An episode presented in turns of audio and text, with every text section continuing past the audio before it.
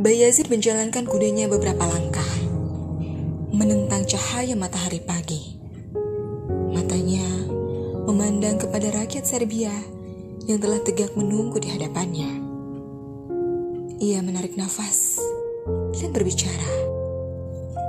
Segala puji hanya bagi Allah, pencipta langit dan bumi. Dia esa adanya, tidak beranak dan tidak pula diperanakan. Dia bukan satu dalam tiga atau tiga dalam satu. Sejak hari ini, Serbia ada di dalam kekuasaan Islam. Kalian semua tak perlu khawatir. Kalian bebas seperti saat pertama kali kalian dilahirkan. Kalian tak akan dipaksa masuk Islam. Kalian tak akan dianiaya.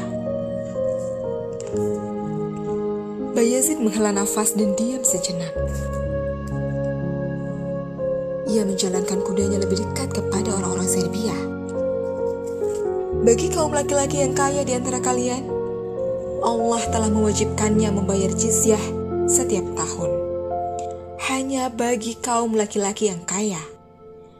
Tapi, bagi siapa pun dari kalian yang sengsara dan kelaparan, tidak punya tempat tinggal, anak-anak yatim, janda-janda miskin, dan siapa pun dari kalian yang membutuhkan maka datanglah kepadaku. Karena semua hal yang kalian hadapi itu adalah tanggung jawabku. Sebab Allah telah memberi amanah kepadaku untuk menyelesaikan semua kesulitan kalian. Saat Bayazid berhenti bicara, tiba-tiba halaman kastel itu telah dipenuhi oleh dengungan yang menyeruak di tengah-tengah kerumunan orang-orang Serbia. Mereka saling bicara satu sama lain. Ada yang merasa heran, ada yang tersenyum bahagia, ada yang menggeleng tak tentu. Tiba-tiba, seorang kakek keluar dari kerumunan itu. Berjalan tersaruk-saruk di topang tongkatnya yang telah lapuk. Dia berdiri di hadapan Bayazid. Badannya lemah, bungkuk, pakaiannya compang-camping, hidupnya sebatang kara. Dia seorang Kosovo. Dengan susah payah dia bicara. Mengapa Sultan lakukan itu semua? Kaisar Lazar tidak pernah melakukannya. Bayazid turun dari kudanya dan tegak di hadapan kakek pengemis itu. Aku melakukannya karena Tuhanku memerintahkan itu kepadaku. Begitulah aturan Islam, kakek. Sekarang, diriku saat aku sampai mengabaikanmu. Tapi, aku bukan orang Islam. Suara pengemis itu gemetar. Dahinya mengernyit tak mengerti. Kau tetap rakyatku, sahut Bayazid. Mata sayu laki-laki tua itu menatap penuh tanya kepada Bayazid. Benarkah semua itu? Bayazid tersenyum dan membelai bahu lelaki tua itu. Karena itulah aku melaksanakannya. Jangan khawatir. Tak usah merasakan kesusahan lagi. Semua kesulitanmu adalah tanggung jawabku.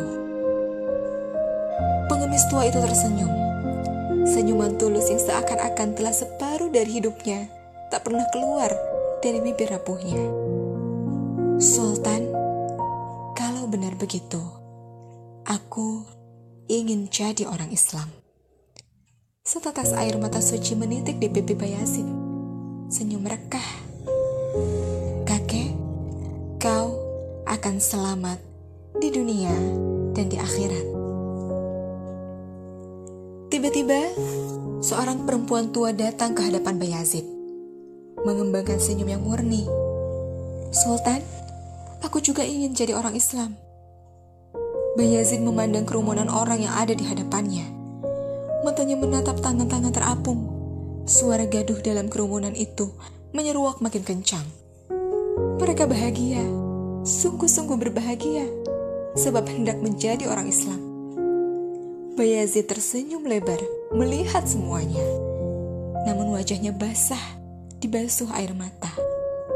Ia teringat ayahnya, saudaranya, dan seluruh kaum muslim yang telah gugur dalam kehormatan menegakkan kalimat Allah. Apakah kalian menyaksikan semua ini? Inilah harga darah kalian. Inilah harga nyawa kalian. Umat manusia dengan rela masuk ke dalam keridhaan Tuhan. Berbahagialah. Ya Allah, Ya Robbi, mohon hadiahi mereka semua dengan surga dan jadikan ujung usia kami ujung usia mereka.